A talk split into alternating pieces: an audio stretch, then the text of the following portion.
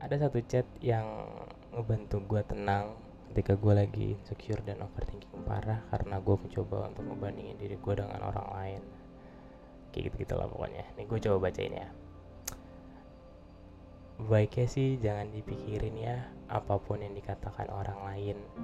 Tapi kita juga harus bisa ngebedain mana omongan orang yang sekiranya ngebangun dan mana omongan orang yang sekiranya menjatuhkan. Jadi baiknya juga jangan cepat-cepat untuk insecure. Karena sebenarnya sejatinya kamu adalah orang yang spesial dan kamu adalah orang yang berharga buat semua orang. Dia bilang gitu. Habis itu di bubble chat berikutnya dia bilang gini jangan pernah kalah ya sama insecure kamu. Kamu ya kamu orang lain ya orang lain. Kamu spesial akan diri kamu yang begini dan aku tahu banyak orang yang sebenarnya merindukan untuk berada di posisi kamu yang sekarang.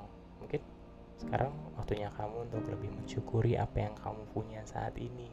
Bukan menunggu-nunggu bukan cuma kayak ngerengek-ngerengek sesuatu yang belum kamu punya untuk saat ini dia bilang.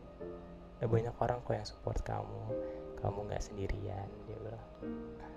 Situ gue langsung sejenak kayak berhenti untuk insecure berhenti overthinking karena gue ngerasa kayak well despite of everything sebenarnya hidup gue baik-baik aja karena Tuhan tuh begitu baik dalam hidup gue dan harusnya gue lebih banyak bersyukur. Karena ya overthinking tuh cuma ngebohongin diri gue dan insecure itu cuma ngebuat diri gue jatuh. Ya harusnya gue lebih banyak bersyukur dan gue coba harus banyak berusaha ngelakuin apa yang harus gue harus lakukan gitu